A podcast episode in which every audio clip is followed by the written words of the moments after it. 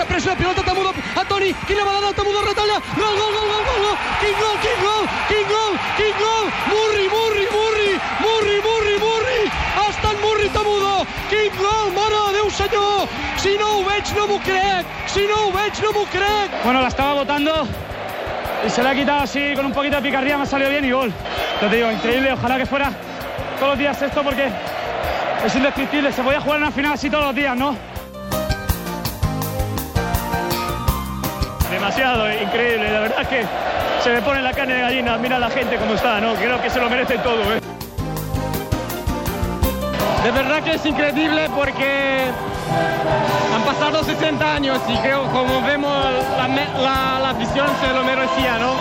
Impre- impresionante y porque creo que la afición española tenía mucha ganas, ¿no? De que ganemos un título, ¿no?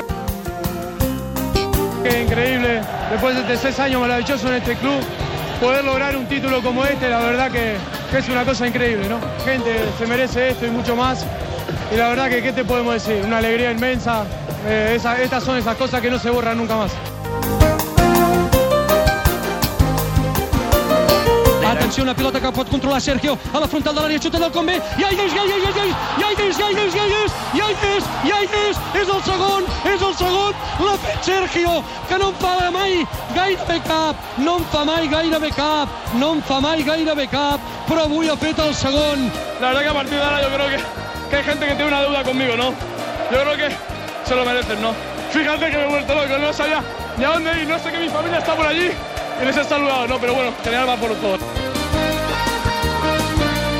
Centenario, capitán centenario. Campeón de copa, sí, sí, me alegro mucho. Muy orgulloso con esta afición enorme. Muy lindo suena. Suena muy bien, muy bien.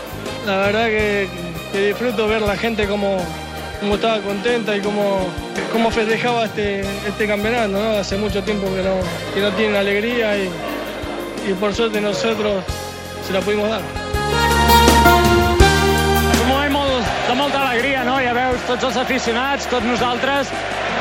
Ens hem merescut per totes les eliminatòries que hem fet, no? El año que viene espero que, que siga en el español, porque creo que todavía, como dije antes, no, no le he dado todo lo que el club se merece y creo que tengo para progresar muchísimo por la edad que tengo y, y dándome confianza y experiencia puedo progresar mucho más.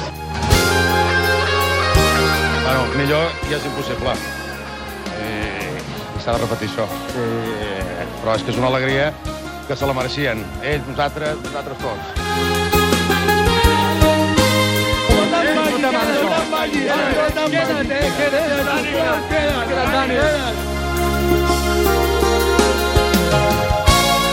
Sempre penso en la gent que no està amb nosaltres, no? Amb el Fernando, amb el meu pare, amb els espanyolistes que van morir sense poder veure aquesta, aquesta meravella. Però bueno, espero que ho veurà des del cel, que, que serà molt més maco.